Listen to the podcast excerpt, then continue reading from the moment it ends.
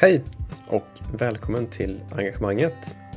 En podd om människors drivkrafter där jag, Tom Rodro, tillsammans med gäster utforskar vad engagemang betyder för vårt samhälle idag.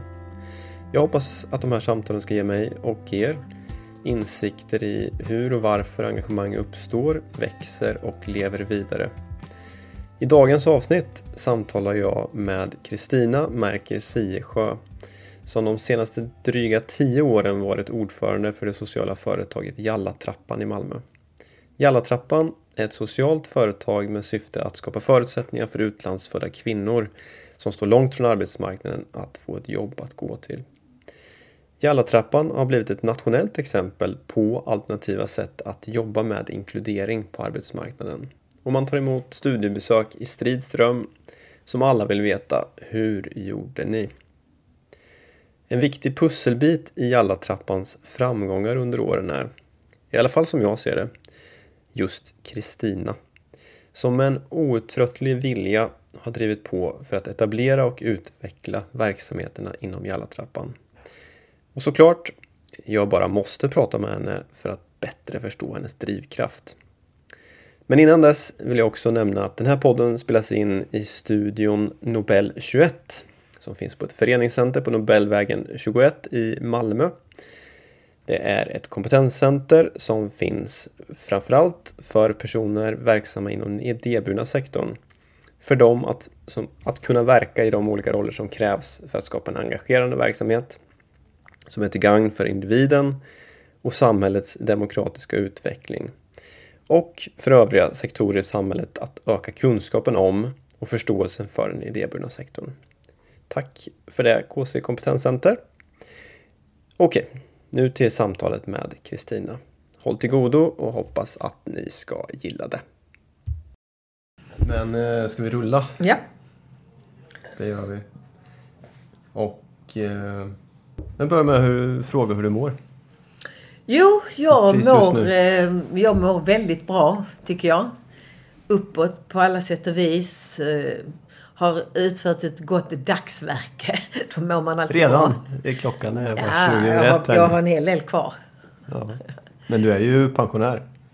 Nej, ja, Typ.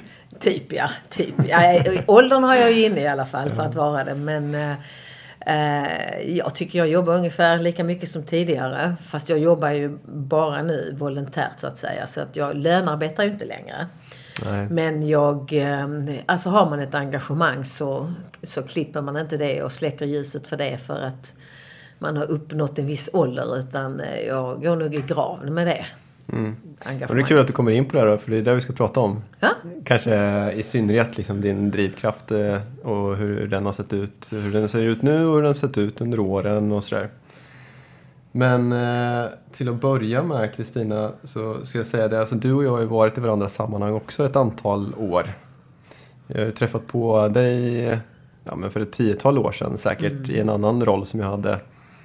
Och sen så har jag ju hejat på er från sidan eh, ända fram tills något år sedan då jag fick eh, äran att gå in i Jallatrappans styrelse. Precis. Och det har ju hittills varit eh, jättekul och lärorikt med ett gäng kreativa och engagerade människor. Absolut. Så de, och, och det är ju, ska säga, det är ju väldigt många som känner till eh, eh, Jallatrappan och Jallatrappan kanske vi kommer prata om en hel del här också ju. Men om vi börjar där så här, vad, om vi börjar med att reda ut det för de som inte känner till det. Vad är Jallatrappan för någonting? Eh, Jallartrappan är ett arbetsintegrerande socialt företag. Ett kvinnokooperativ som startade på eh, Rosengård. Eh, och nu är det ju nu inne på tolfte året faktiskt. Eh, och eh, det är ju ett non-profit. Det är till för en samhällsförändring och för samhällsnyttan. Och ursprunget är ju att det fanns så många kvinnor som eh, Eh, som egentligen inte fanns eh, på Rosengård för de var inte inskrivna på Arbetsförmedlingen och eh, eh, deltog inte i det offentliga livet på det sättet. Men det var ju väldigt mycket kvinnokraft som gick förlorat och eh, som skulle kunna göra väldigt mycket. Så att på något sätt så eh, så hittade vi en metodik, en pedagogik som passade målgruppen. Det vill säga kvinnor som står allra längst från arbetsmarknaden, som saknar eh, utbildningar och yrkeserfarenheter. Eh, och det var majoritetsgruppen av kvinnor på eh, Rosengård då, vid den tidpunkten i alla fall. Och mm. ja, jag ser det också som, eh, eftersom jag har rest runt mycket i Sverige, så ser jag att det är samma bild överallt. Mm. Att det är en grupp som verkligen finns och som, som har en stor potential som många inte ser. Mm. Och när Jalla-trappan startade någonstans 10-15 år sedan är det väl va? Mm. Mm, dryga 10 år sedan i alla fall. 12 eh, år sedan ja, själva ja. arbetsintegrerande sociala företaget. Precis, så mm. beskriver du ett eh, varför kring det här redan här nu ju. Men har det också, är det, är det samma varför fortfarande idag? Eller hur är det liksom, den resan, har det förändrats någonting? Nej, man får nog säga att det är samma varför. Därför att den målgruppen finns lika mycket idag. Eh, och eh, så där har alltså det fokuset, eller eh, det varför det finns kvar. Eh, och bara det med att vi på Jallas väg till arbete har in från den målgruppen cirka 120 kvinnor från Malmö stad säger ju en del av behovet.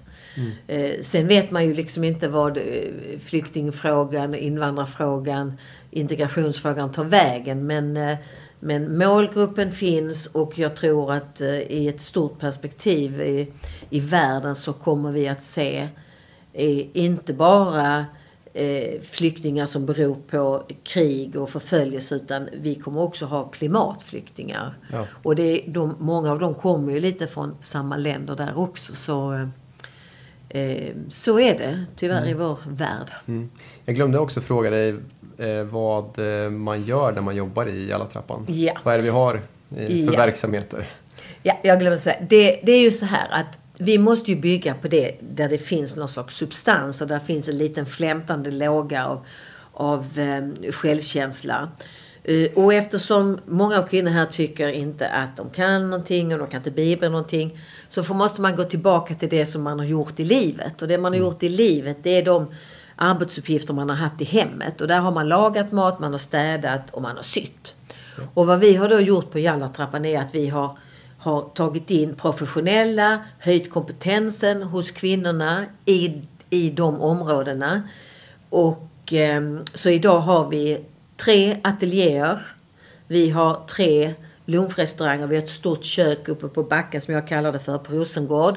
Och vi har städuppdrag på ett eh, 20-tal kontor, Rosengård Center, Panora biograf, eh, Trianon, eh, Skanska, trappstädning och eh, städning i arbetsbodar. Så att verksam, alltså verksam, och sen har vi då någonting som är väldigt viktigt, det är nämligen Jallas väg till arbete. Det vill säga att våra 50-tal kvinnor som är anställda idag, många av dem är också handledare till nya kvinnor som kommer in i det samarbete vi har genom en IOP, idébart offentligt partnerskap med Malmö stad och finansierat en del av Arbetsförmedlingen. En tredjedel var kan man säga, där vi går in och löser en samhällsutmaning. Mm. Så det är treenigheten där kan man säga som har fungerat väldigt väl. Och jag sa just nu, jag räknade ut att om vi har 50 anställda och sen har vi 120 kvinnor in varje år. Och sen räknar man i snitt fem kvinnor per barn. Så varje år så berör Jallartrappan 850 kvinnor och barn varje år med sin verksamhet. Mm. Så att vi når ju mycket mer utanför själva kvinnan, till familjen, till trappuppgången och så vidare.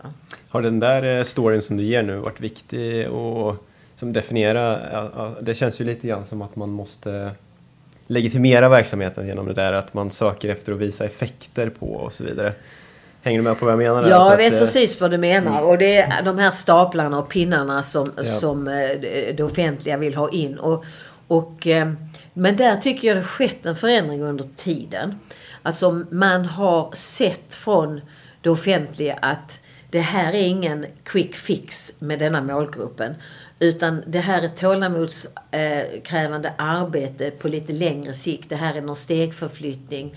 Och det som jag brukar säga att vi får upp dem på vagnen för att de ska hitta sin egen motivation, för att de ska vilja och kunna och vi bygger en yrkesidentitet som de aldrig har haft. Mm. Och det kan sen bära vidare till att man tar de andra stegen med hjälp av andra, mm. men framförallt av sig själv. Mm. Så, eh, men det som man märker det är ju att alla de här pinnarna och de här stegen, eller inte stegen med pinnarna, eh, jag tror, och det är väl också för att vi har ju tjatat ihjäl människor på att alltså, ni måste, det måste finnas liksom en tid. Man kan inte pressa fram någonting. Eh, utan en, en människas utveckling, där måste man liksom pusha, stötta. Men det är, när det, det är av generationer, flera generationers kvinnor bakåt i deras liv som har haft sin huvudvis um, i hemmet. Och att mm. ändra det, ja, det är ju jättestort. Mm. Hörde du, jag funderar på Nej, men jag kanske ska slänga in den frågan nu förresten som är lite rolig. Eh, som jag börjar med att säga så är ju alla trappan känt. Och nu sen, liksom regnar ju priser över Jalla trappan känns det som nu på senaste tiden i alla fall.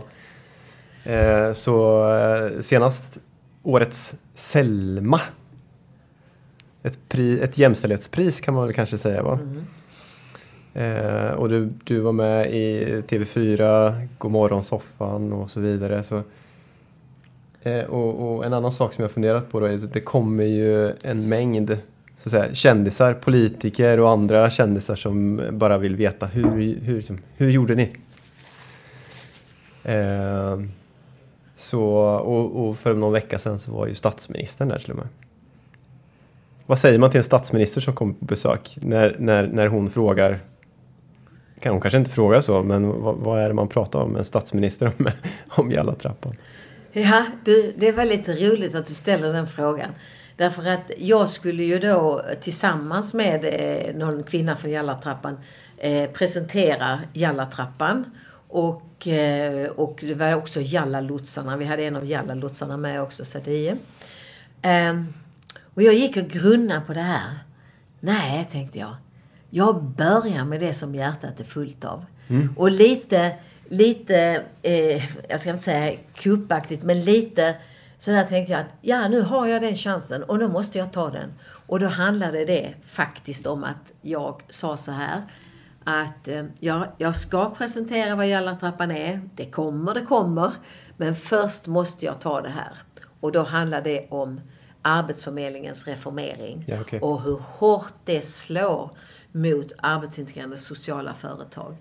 Hur, och det tror jag många inte tänker på överhuvudtaget. Men, men vi som arbetar i idéburna, um, idéburna organisationer eller civilsamhällets organisationer som brukar säga vi är ju till för samhällsnyttan och, och då är det ju väldigt viktigt att vi kan ha samarbete med det offentliga och med mm. Arbetsförmedlingen och med kommuner och så vidare, stat. Och när det då kommer en sån här reformering, krom och ståm och allt, och nu är det ju mm. krom då. Mm. Där man bara tappar vår målgrupp. Alltså, ja, de här krom har 1,2 eh, besök i månaden per individ. Mm. Vi träffar ju våra eh, kvinnor, deltagare, varje dag mm. i sex timmar. Alltså hur tror man att någonting kan lösas liksom på 1,2 till eh, möten i månaden? Ja, så att jag började helt enkelt där. Ja, fick du för svar då? Eh, då fick jag Ja, hon förstod vad jag menar och eh, hon förstår att eh, det är problematiskt och sådär. Och eh, Eh, nu är det ju, det är ju eh, arbetsmarknadsministern som, eh, eh, som håller i den frågan. Och man är ju väldigt noga med att man liksom var och en ska få tala för sin sak. Va?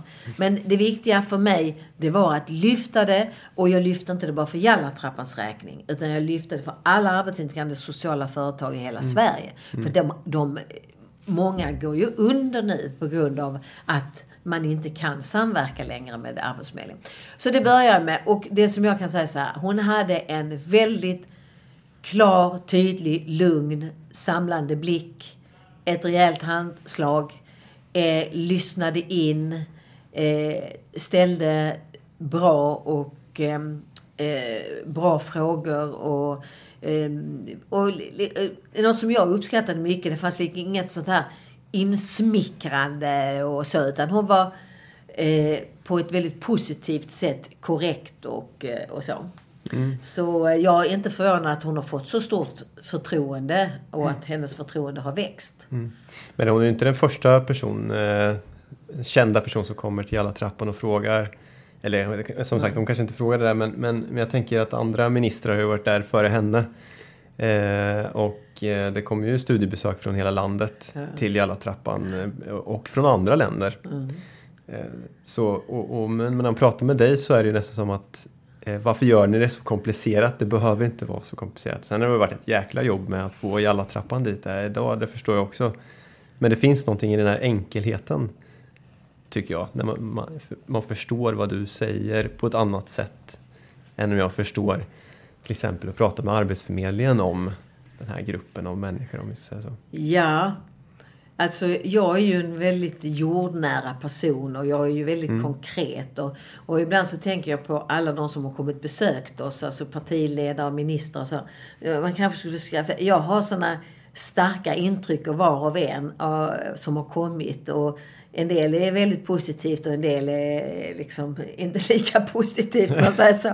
Men, men, eh, och en del kommer väl för att man bör ha besökt alla trappan och en del kommer därför att de verkligen är genuint intresserade. Ja. Eh, och eh, en del är väldigt noga med att det ska bli fotografering och så. Men det som jag också har märkt, eh, och, men nu verkar det som det vänder lite igen, men, men eh, inför förra valet då plötsligt var det väldigt tomt. Det var inte många som hörde av sig, och varken partiledare eller ministrar eller andra. Okay. Eh, och det tror jag var att, eh, att det blev, vi arbetar då med utlandsfödda kvinnor. Många det är från ett 20-tal olika nationaliteter så vi har ju både Asien, Thailand, Vietnam, eh, Pakistan, Bangladesh, eh, Mellanöstern, eh, Somalia, afrikanska länder, Europa, gamla eh, Balkan och eh, Serbien och så vidare. Alltså de länderna. Det enda vi inte har egentligen är faktiskt från Latinamerika. Eller Amerika. Annars har vi alla världsdelar. Ehm, och ehm, eh, så... Vad var det du frågade? Ja, men jag frågade väl om eh, vad, vad man jag hade nog kanske ingen enkel fråga här och därför jag ställde till det för dig. Men det var ju mer att alla som kommer och besöker i alla trappan och undrar hur, hur ni gjorde det här egentligen. Ja. Så är, finns det, någon, ja. det finns ändå någon, som, som jag ser det utifrån och nu delvis inifrån, är det ju att det finns en enkelhet ja. I, i det man gör på alla trappan. Och ibland har jag i alla fall funderat, varför måste vi göra det så himla svårt för Nej. oss? Ja. Ja, alltså eh, när de frågar hur gjorde ni det här? Så det där enkla som du pratar om. Jag håller helt med om det. Alltså att man får utgå ifrån lite kvinnornas möjligheter, kvinnornas kapacitet, kvinnornas möjliga utveckling samtidigt som man får se till samhällets behov. Och för, min, för min del handlar det också om ett samhälle som håller ihop så att man inte bygger ett större och större gap mellan de som har och inte de som har. Mm. Och det enkla är ju att försöka, som vi alltid säger, hitta det här fokuset om vad vi människor har gemensamt. Och det är ju det som är lite speciellt, ska jag säga. Alltså, vi är ett tjugotal nationaliteter, olika religioner, hudfärger, kläder, allt vad det är. Men för oss är det inte något som är viktigt eller som eh, vi lyfter på något sätt, utan vi lyfter det gemensamma, det som vi har gemensamt. Och det, vi är här och nu, vi går framåt. Och, eh, och då gäller det att hitta de här plattformarna. Var möts vi någonstans? Och då brukar jag berätta om fyra generationer i min familj. Ja, just det.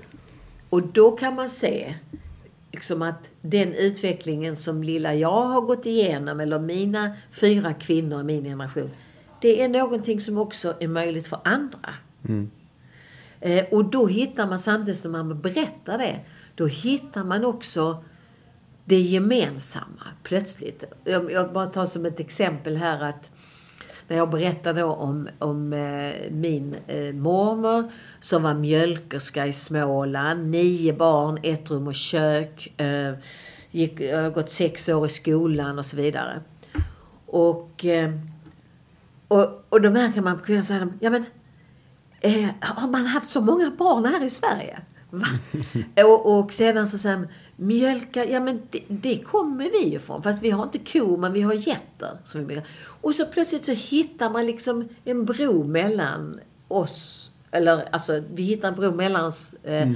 och, eh, eh, och sen så går man då vidare till, till min mamma då som tyvärr fortfarande då när, det, när penningen bestämde om man fick läsa vidare eller inte. Eh, nu drar jag den här historien helt Dra den historien. Ja. Eh, då, eh, hon... Alltså... Då var det ju så att när jag var liten, då fanns det inte dagis. Men för att när jag var riktigt liten då kunde hon åka iväg på, på kvällar och nätter och diska på Klitterhus i eh, Ängelholm och, mm. och sådär när jag hade somnat och min bror. Eh, sedan så städade hon hemma hos familjen. Men det första hon sa, jag måste få ta med mig min flicka. Det var jag det. Mm. Och eh, så därför så växte jag ju lite upp i, i, två, i två världar. Dels hade jag min värld i barnrikeområdet på Åsbogatan 29, det är Ängelholm. Nybyggt. Det var ju, det var ju ett himmelrike för mina föräldrar att få komma dit. Vet. Vi hade ju haft utedass och eh, det låter som man är 300 år men alltså det är man ju faktiskt inte. Nej. Men det, det, är ändå en tid som, som, har, som blir ganska nära och som, som har väldigt stor betydelse för vem jag är. Eh, och eh, ja, utedass och så vidare och eh, kallt vatten var det väl, de hade en kakelugn. Och sen flyttar man upp till Åsbogatan 29D. Fick liksom eh, sån här centralvärme, eh, badkar fick vi. Alltså nu var det inte utedass längre så. Och, eh, men då så städade hon hos familjen och då fick jag följa med. Eh, och någonting som formade mig just i det, det var ju att ehm, eh, där på gården gick jag omkring med kläder som ingen annan hade. För jag fick ju där mamma städade, jag fick ju de kläderna av de barnen, för de, de hade två flickor. Så jag gick omkring i, i sån här teddypälsar och fina lappmössor och sånt. Vet. Jag var ju ett riktigt ufo på Åsbogatan. Vet du. Alla, det var ju ingen som var klädd som jag. Så, ehm, eh, och sedan så... Eh, men hon var, min mamma var ju väldigt eh, varm, stark och fantastisk på många sätt. Och, Eh, men rättrådig och rättvis. Och det har alltid funnits som en, liksom en rättesnör hos mig. Eh, och då minns jag en gång när hon städade hos en flygkapten. Och då så sa hon så här att, eh, då stod, låg hon och skurade där. Och eh, så kom den här flygkaptenen hem och liksom bara trampade över henne. Och då reser hon sig upp från skurtrasan, skurhinken, tar med handen och så säger hon så här. Om han är för fin för att hälsa på mig när han kommer så är jag för fin för att städa här. Hon tog mig i handen, hon gick ut därifrån och kom aldrig mer tillbaka. Sånt formar en mycket. Mm. Jag tänker vi är inne på, det, det är ju precis det jag ville få det här samtalet till eh, också kring ditt eget eh, engagemang mm. här. För att jag tror ju, jag tror ju någonstans eh, att det är många som varit med och byggt Jalla-trappan naturligtvis, mm. men utifrån sett så är ju ändå du en nyckelfigur eh, här och din drivkraft har ju varit avgörande för eh, att eh, Jallatrappan är där det är idag. Och sen vet jag inte om du håller med i den bilden, men jag tror i alla fall många utifrån ser på det på det sättet i alla fall ju. Ehm, men jag också som... Du var inne på det tidigare också, hur det började.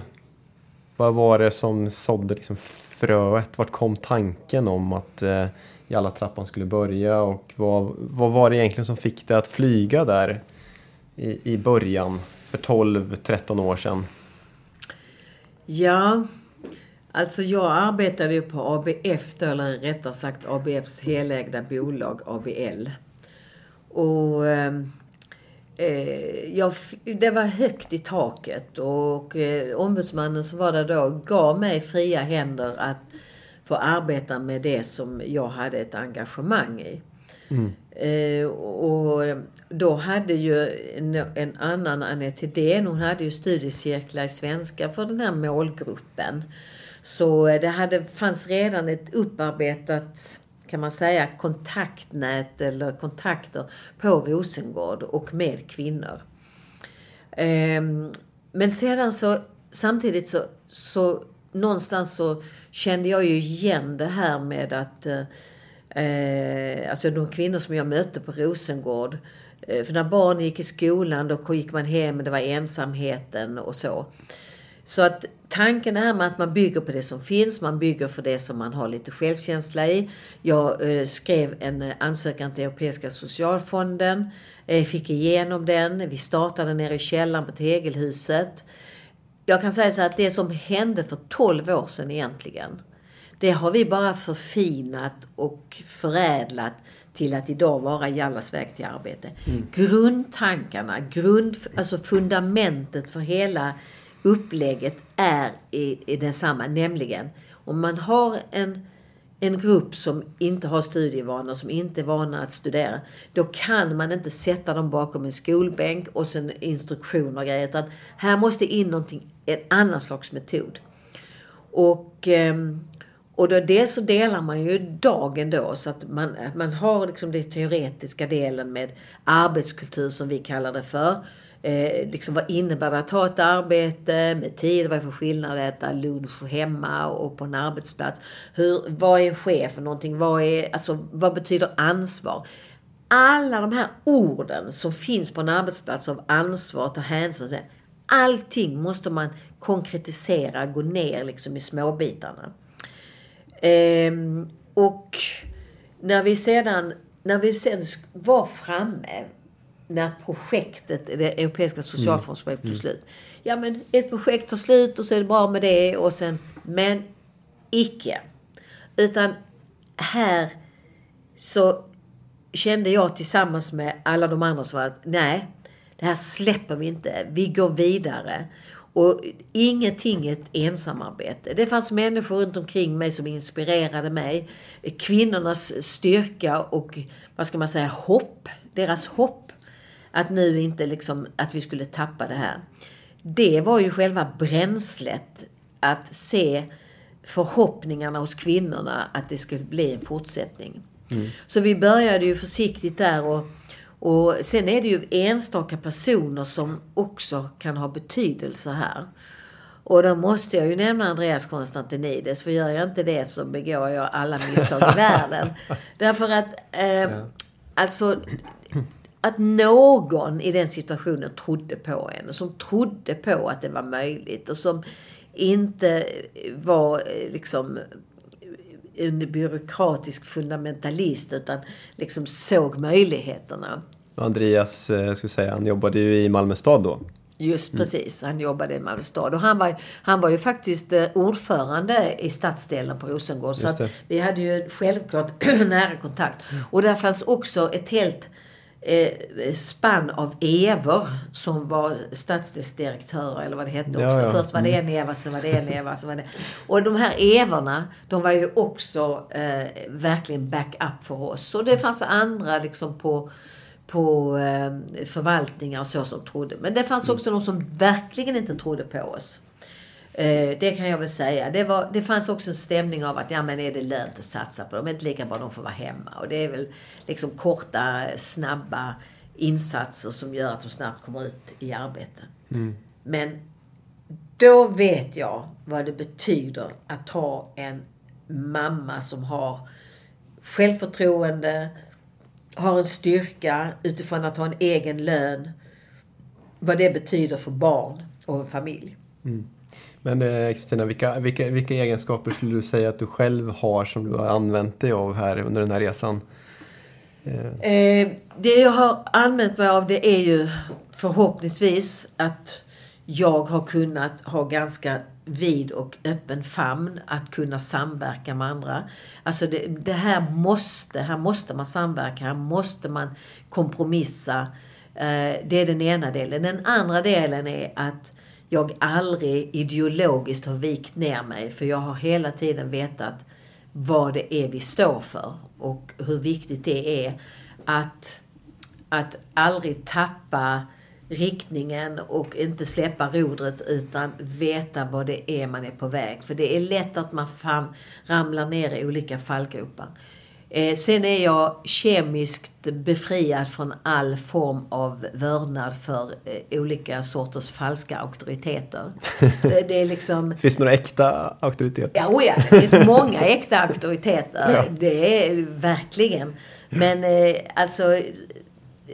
Och... Eh, Sen tror jag också att jag har ju danats väldigt mycket i i, uh, i solidaritetsrörelser när det gäller argumentering. Så jag har alltså stått uh, på gator och torg och, och sålt Vietnambulletinen när det var den tiden och, uh, och pratat med kreti och pleti och alltid försökt hitta den där, ehm, vad ska man säga, plattformen och sen man kanske först får förstått och pratat om fotboll, har ingenting emot det i och för sig, men, uh, eller någonting annat som gör, för i allting, i allting, i alla samarbeten, i, allt, i alla relationer med människor så måste man hitta någonting som greppar varandra. Mm. Och det kan ju vara väder och vind och det kan vara fotboll och det kan vara, men någonting. Och jag vet att det finns människor som har kommit till mig efteråt och sagt så här att det är tack vare dig som jag arbetar politiskt nu. Så va? Jag har inget minne av någonting. Nej, då kan det vara någonting som, som, eh, som jag har sagt. Men just det här med att, att, att först få någon slags kontakt och något förtroende. Sen så kan man nästan göra under. Är du envis?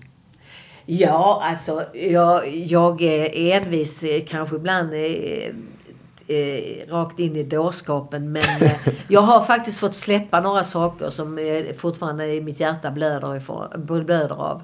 Ja. Eh, jag har fått släppa några saker fast jag verkligen har trott på dem. Och det är till exempel jalladolorna där vi inte fick igenom i Region Skåne att, de, att man inte förstår. Och detta, den här förlossningskrisen som är nu, jag bara säger, vi har jalladolor. Vi skulle kunna stötta upp här med, med de professionella barnmorskorna eh, och vara ett komplement som, som stödjer förlossningsarbetet på det sättet genom eh, mm. den tryggheten.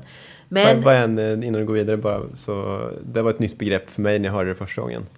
Jalladolor. Ja. ja. Vad är det? Ja, eh, eh, det är ju så att det är fyra gånger så stor risk för utlandsfödda kvinnor att föda barn eh, när det gäller komplikationer och eh, eh tyvärr även eh, död. Men framförallt mm. när det sker komplikationer.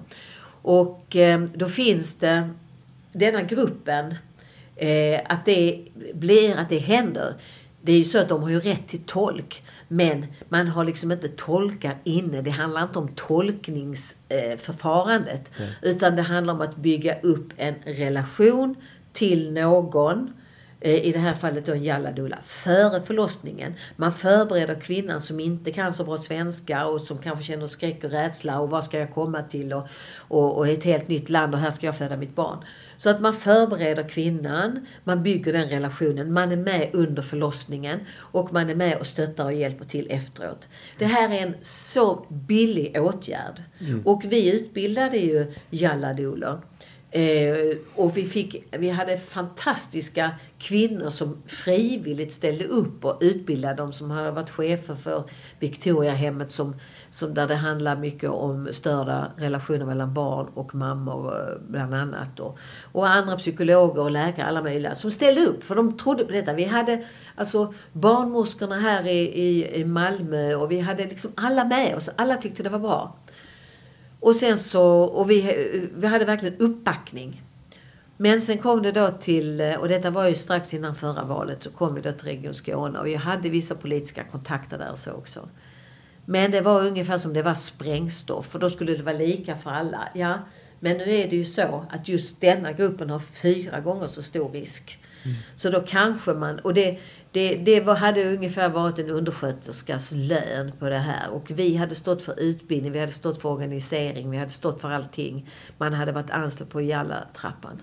Men nu tog det här en annan sväng, så det här blev ja. Jalla-lotsar istället. Ja. Men du, vet du, jag tänker, vi pratade ju lite om det är inte direkt politik kanske, men eh, du nämnde ju det att du stod och delade ut eh, bulletiner som du mm. sa under, måste varit under 60-70-talet. Ja. ja. Har du varit politiskt aktiv också? Eh, nej, jag har suttit 30 år i, uh, i tingsrätten i Lund. Okay. Och eh, det, där tänker jag också ibland så här, fast så det, det är väl det enda. Men eh, annars har jag inte varit eh, partipolitiskt aktiv. Utan jag har varit aktiv i solidaritetsrörelserna, i FNL-grupperna, Eh, och sen har jag varit också väldigt aktiv. Jag var med faktiskt och startade kvinnojourerna i Sverige. Mm. Eh, för eh, fick jag reda på, jag visste inte det riktigt, men nu hade man 40-årsjubileum för ett par år sedan och då hade de hittat längst ner i sina lådor eh, protokoll och det visade sig att jag, eh, att jag då eh, var ordförande där eller vad det nu hette för någonting. Men så jag har ju haft det här med med kvinnofrågor alltid. Eh, så det, det är framförallt i föreningslivet, i, eh, i solidaritetsrörelser mm, och eh, som jag har varit aktiv. Men jag kan också säga under min tid i, i tingsrätten så, så länge, fast nu tror jag kanske inte det längre, för nu tror jag faktiskt att Jallartrappan slår det. Men länge sa jag att jag har gjort allra störst nytta i mitt liv. Det är den tiden jag hade på tingsrätten. För okay. de fördomar som var med kvinnor när det gällde misshandel, våldtäkter och så vidare. Det är en västanfläkt idag och då är det ändå inte bra idag. Mm. Men alltså, det jag hörde domare och andra uttala sig om där. Så att jag, jag kände att jag la allt mitt krut verkligen och jag var alltid väl förberedd. Jag var alltid väldigt aktiv och, och jag hade tur för jag satt oftast för lagmannen som är chef då på tingsrätten. Och jag blev verkligen lyssnad på. Jag blev verkligen lyssnad på. Mm. Jag kände verkligen att jag hade jättestort eh, eh, påverkan på de dom, domar som föll. Ja. En sak som jag skulle vilja komma till innan jag glömmer det Kristina är eh, begreppet egenmakt. Mm. Och eh, jag undrar om eh, vad du tänker om, om det ordet när jag säger det. Ja, alltså det är ju säkert ett ord som man kan definiera på många olika sätt. Alltså egenmakt, om jag ska vara eh, sådär lite filosofisk här nu så första delen av ordet egen det, det, jag tror aldrig att man är egen egentligen på det sättet. Man är alltid i relation till andra. Mm. Man är alltid tillsammans med andra i alla sammanhang om man inte är en eremit. Så det här med eh, satsa på dig själv och det är liksom ditt ego. Det, det, har liksom en dålig klang för mig. Jag är inte alls på den eh, planhalvan. Nej, om jag säger ett annat begrepp då eh, som kanske översätts till engelska så pratar man om empowerment. Ja, Precis. Jag vet ju att det är det. Mm. Men för mig är egenmakt då, för jag tar gärna det svenska begreppet. Mm. Makt tycker jag är jätteviktigt. För vad är motsatsen? Maktlös. Mm. Så att makt ska man inte vara rädd för. Makt ska man bara tycka är bra. Sen är det ju frågan om hur man använder makten och att man ska ju använda den på ett eh, konstruktivt och bra sätt och, och för allas bästa om man säger så. Men egenmakt eh, jag tänker liksom utifrån både mig själv som i hela mitt liv alltid har försörjt mig själv sen jag flyttade hemifrån. Eh, jag har... Ehm, eh, och alla, jag har fyra barn. Alla barnen har jag varit noga med liksom att med utbildning och att just ha liksom en egenmakt. För att en del av egenmakt är ju att vara oberoende ekonomiskt av andra. Mm. Du är inte beroende av en man, du är inte beroende av staten, eh, liksom, eh, ekonomiskt bistånd och så vidare. Själva fundamentet för all jämställdhet som jag ser, det är att man har en egen lön. Sen är man alltid beroende, för man är beroende i kärlek och man är beroende av arbetskamrater och allt sånt där. Men eh, eh egenmakt, det är liksom det första steget. Mm, ja, men jag frågar på grund av att jag funderat mycket över det, alltså det, det som du har gjort och det Jalla-trappan står för på något sätt och hur man jobbar med dem som ja. antingen är anställda eller inne på, på arbetsträning. Ja.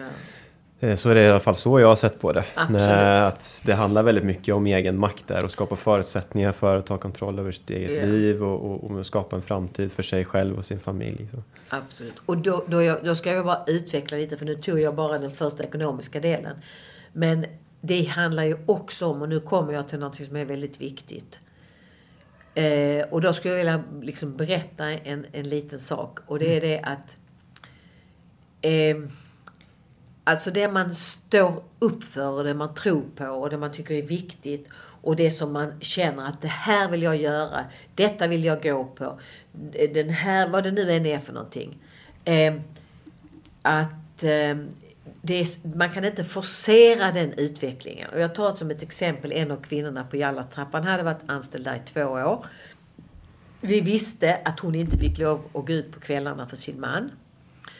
Eh, vi visste det. Det enda vi kan göra det är att stötta, eh, stödja, empowerment eller egenmakt mm. så att hon blir starkare och starkare i liksom sina beslut. Att hon får fler och fler argument, att hon känner att hon kan stå upp för saker. Och eh, efter två år så skulle vi ha ett boksläpp och då kom hon till mig och sa Kristina, skulle du vilja att eh, jag var med i, i, ikväll på det boksläppet så sa jag, äh, det är ju helt fantastiskt om du är men det är ditt beslut. Det är du som beslutar. Hon kom och hon var den sista som gick därifrån den kvällen. Mm. Därför att hade jag pressat henne två år tidigare och sagt skit i gubben, klart ska komma.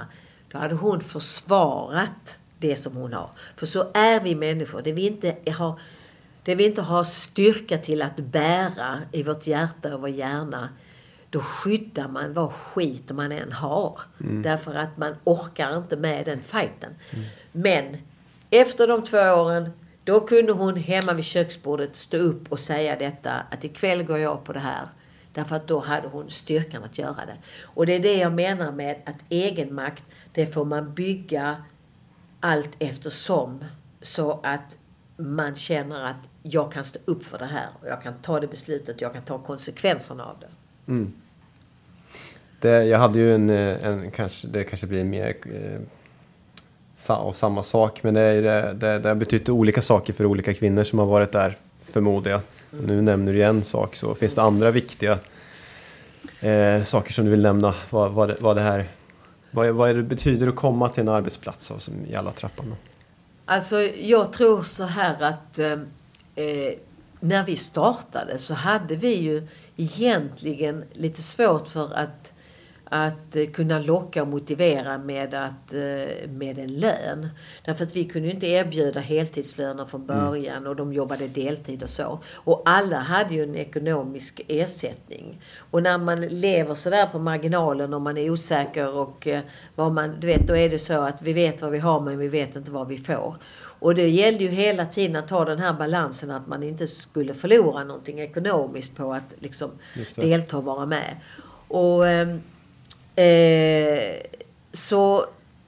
det där, eh, utan då fick vi vädja till på något vis, ja men för din egen skull, för din, din utveckling, för att du ska känna dig nöjd med dig själv. Och sen börjar barnen skolan och sen, är du, sen försvinner de. Och vad händer med dig? Alltså vi fick se det lite långsiktigt och vi fick hitta argument liksom för att, för att eh, och framförallt så fick vi ju, fick vi ju eh, liksom fånga deras rädslor. och De var rädda för det man inte vet någonting om.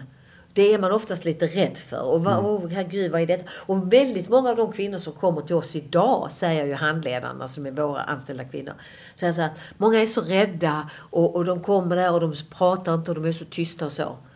Och så kommer de till våra fantastiska Saina och Fatme och Mona, allt vad de heter, du vet. Som har nycklarna. De nycklarna har inte jag på samma sätt. Men de har nycklarna. Och då, liksom, då blommar de och då öppnar de sig. Och alltså, det är inte ett öga torrt ibland när kvinnor som liksom står där runt bordet och ska presentera sig själva, de kommer ifrån och så. Liksom hur de plötsligt stiger fram. Alltså, den styrkan att se varje enskild kvinnas utveckling, styrka, hur den växer. Och, alltså, det handlar ju också, det ger ju också där ett, ett starkare föräldraskap. Därför att tror man på sig själv och det man står för så har man också eh, då har man också liksom styrkan att ge sina barn kunskap om att skilja vad som är rätt och vad som är fel. Och jag skulle säga hela jäkla jallartrappan är ett enda stort förebyggande arbete. Om, alltså, om man kunde förstå, man pratar vi måste ha förebyggande. Ja, det händer massor med viktiga saker på fritidsgårdar, i föreningslivet och så vidare. Och jag skulle säga hela jallartrappan är ett stort förebyggande. Därför att stärker man mammorna, stärker man familjerna, ja, då stärker man också eh, eh, barnen. Uh, och när vi nu pratar om det här, det man förknippar med, det, med Rosengård, det är ju mm. gängkriminalitet mm. och skjutningar och så vidare. Och den bilden, den får vi ju alltid när människor kommer. Hur, hur skulle du beskriva det själv då? Eh, när det kommer massa olika studiebesök till alla trappan så får ni säkert frågor om det också. Alltid. Ja, det är två och, frågor som vi mm. alltid får. Mm. Det är den ena. Den andra frågan, vad säger männen? De två frågorna får vi alltid. Mm. Eh, alltså, då, då skulle jag säga så här att visst, den bilden finns också. Mm. Den verkligheten finns mm. också. Men vad beror den verkligheten på? Hur skapas den verkligheten? Och där har vi många svar att ge från Jallartrappan. Mm. mm. Eh, och en av de här svaren, det är just det vi jobbar med Jalla-lotsar nu. Alltså, tänk er i Malmö finns det alltså tusen barn som aldrig kommer till öppen förskola. Och för sedan förskolan. Eh, de tusen barnen, när de börjar skolan, när de är sju år eller sex år. Mm. Då har de varit hemma i mammas kjolar om jag får säga så. De har bara hört sitt egna hemspråk. De har inte socialiserats med andra vuxna, inte med andra barn. Då kommer de att börja samma dag, den 6 augusti börjar de med den andra sjuåringen som har gått på dagis, öppen förskola, har eh, eh, lärt sig svenska för man har haft, eh, man har haft eh, pratat svenska på dagis och så vidare. Socialiserats både med andra vuxna och andra barn. Nu ska de gå in och nu ska de gå i samma klass. Alltså, se, kan man inte se detta? Att vad händer här? Det, där skapar man gapet direkt. Ja. Och då är det så att de som eh, som inte har varit på den här eh, resan med, med förskola och så vidare. De som inte varit med på det, de har ett handikapp från dag ett. Med språket, med socialisering och så vidare. Och nu jobbar våra jallalotsar för att skapa relationer med de kvinnorna vars barn inte kommer. För att stötta, hjälpa och se till så att de kommer till öppen förskola. Det har vi tillsammans med förskoleförvaltningen och Svenska kyrkan. Ja och eh, eh, Myndigheten för bla bla bla. Ungdoms och civilsamhällesfrågor. Nej, det är inte den. Det är en annan myndighet. Men hur som helst ja, ja. så är ju det här helt fantastiskt. Eh, det du berättar är ju, är ju helt i linje med eh, att man gör investeringar tidigt i människors liv. Mm.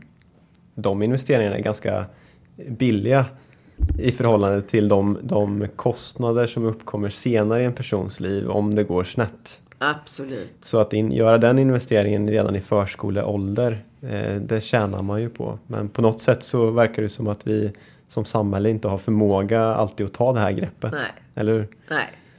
Men... Um... Strunt samma. Jag vet ja. att jag ville hinna fråga dig också om eh, hur eh, ditt engagemang har förändrats. För att, jag vet inte om du minns det nu, men vi pratade ju telefon eh, först och jag frågade dig om du vill vara med i den här podden. Eh, och eh, då så pratade vi om det. Mm. Att eh, någonstans började Ja. Eh, har du varit inne på det redan i det här samtalet. Ja. Och sen har du liksom fortsatt på något sätt både yrkesmässigt och, och ideellt ju. Mm. Men vad skulle du säga som för 50 år sedan? Man jämför Kristina för 50 år sedan och, och nu. Hur har engagemanget förändrats? Det, Eller har du det? Ja, jag skulle precis säga det. Har du det?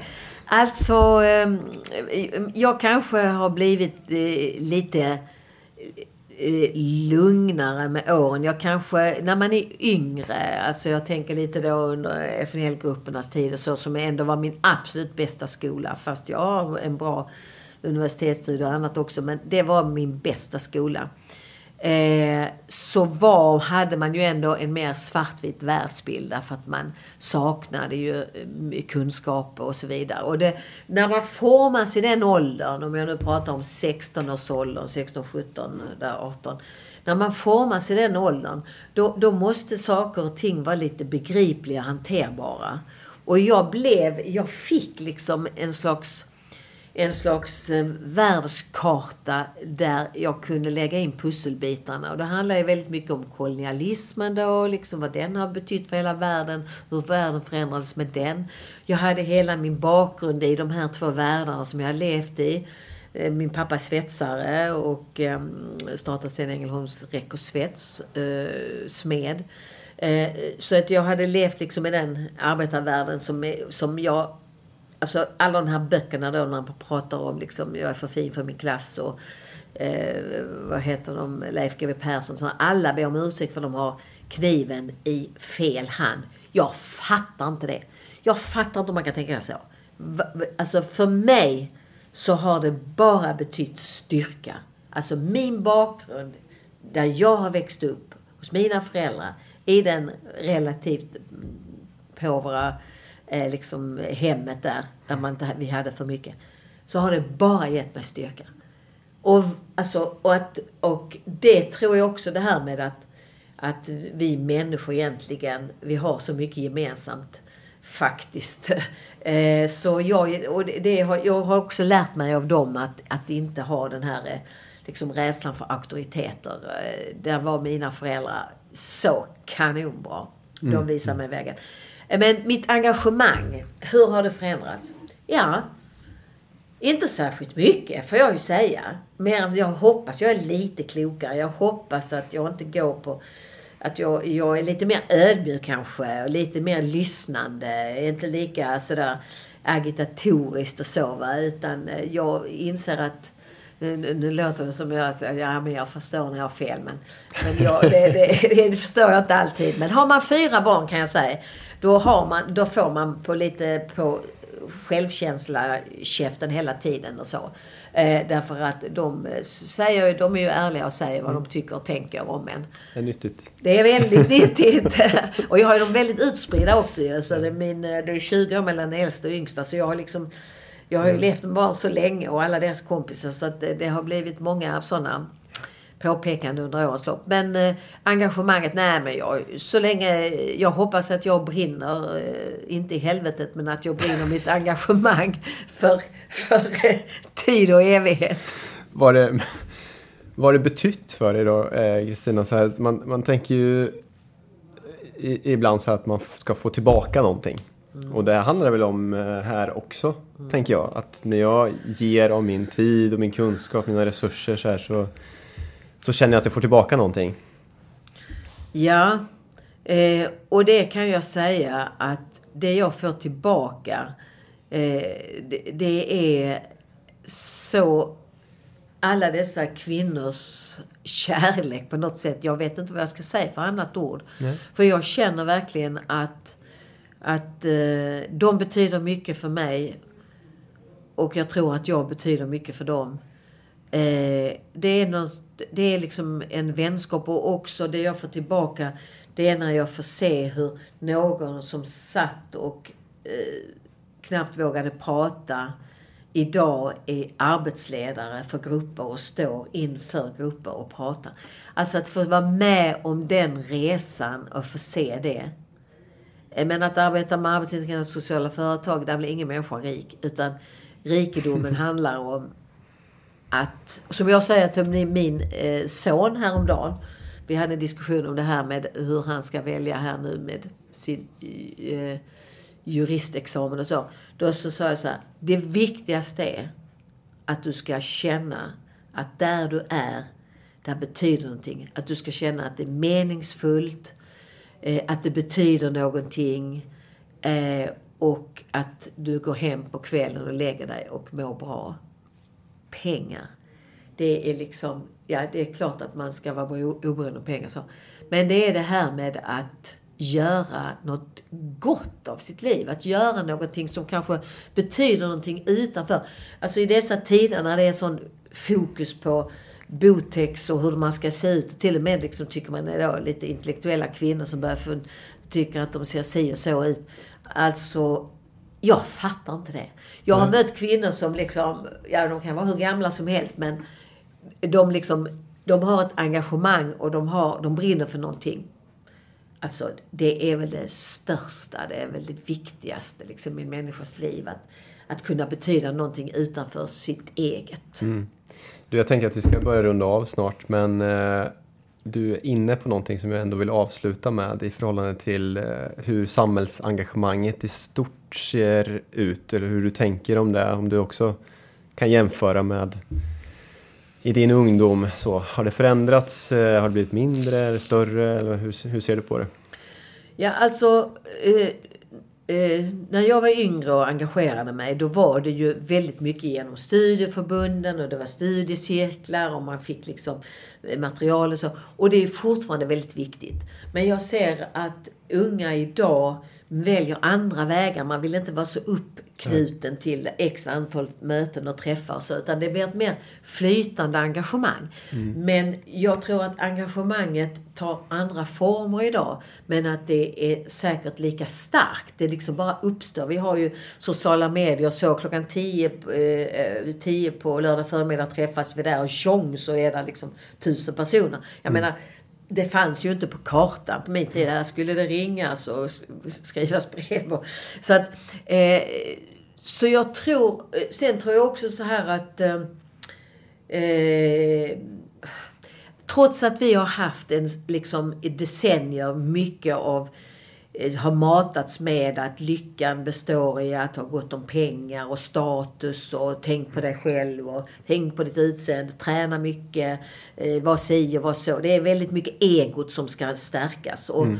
och den tomheten där som kommer av det, eh, den köper man ännu mer prylar för. Mm. Eh, och eh, trots att vi då liksom har varit så inkapslade i sådana tankemönster så när det verkligen gäller och så vet vi ju att, jag menar, så många organisationer som finns idag, bara här i Malmö, inom den idéburna sektorn. Jag sitter just i ett hus nu liksom, mm. det bara bubblar i hela huset av engagemang. Liksom, mm. det, det blir knotter på hela kroppen därför att liksom, varenda skrymsel så händer det saker. Mm. Så mycket fanns det inte då. Utan då var det mer en stor fråga.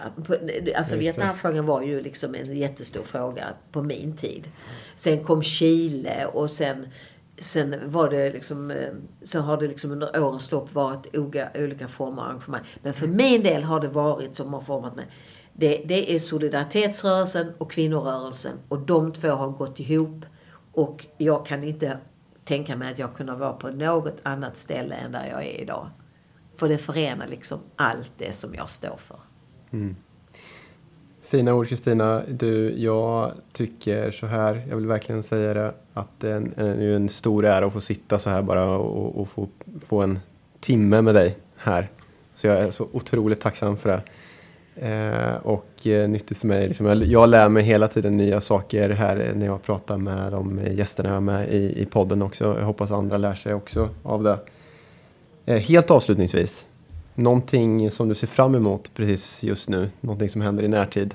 Ja, jag sitter och väntar på ett svar. Och det är det här att vi vann ju nu Selma-priset och där ja. var en prissumma. Och då, eh, har, då, då är det det som händer då, och detta väntar jag på nu. Eh, det som händer då, det är att jag eh, eh skrev ut till alla våra eh, samordnare i våra verksamheter på Jallartrappan. Eh, vad ska vi göra för de här pengarna? Det var inte så mycket ja. pengar, men det var ändå 10 000. Mm. Och det var, 200, det var 200 kronor per, per skalle om man säger så, om vi är 50 anställda. Eh, och då frågade jag så här att eh, vad vill ni? Och så gav jag förslag. Vill ni ha någon stor fest eller vill ni att vi ska att vi ska eh, skicka de pengarna till eh, eh, liksom hjälp till Ukraina i form av liksom Läkare Utan Gränser eller UNCHR. Och, och så sa jag diskutera, prata med alla kvinnorna och så får jag liksom svaren tillbaka. Enhetligt från alla. Vi har tak över huvudet, vi har sängar att sova i, vi har mat för dagen. Vi ska absolut skicka det till, eh, till hjälpen till Ukraina. Läkare utan gränser kanske det blir då. Mm. Så nu har jag skrivit eller pratat med Selma Jurin. Eh, det är ju Bonniers alla förlag som ingår i det.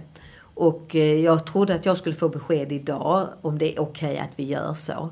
Men det är klart det det gör vi ändå. Ja. Nej, det Så det, det ja. tycker jag var, eh, det, det är det jag väntar på nu, att få ja. det beskedet. Kul. Eh, återigen stort tack Kristina. Tack.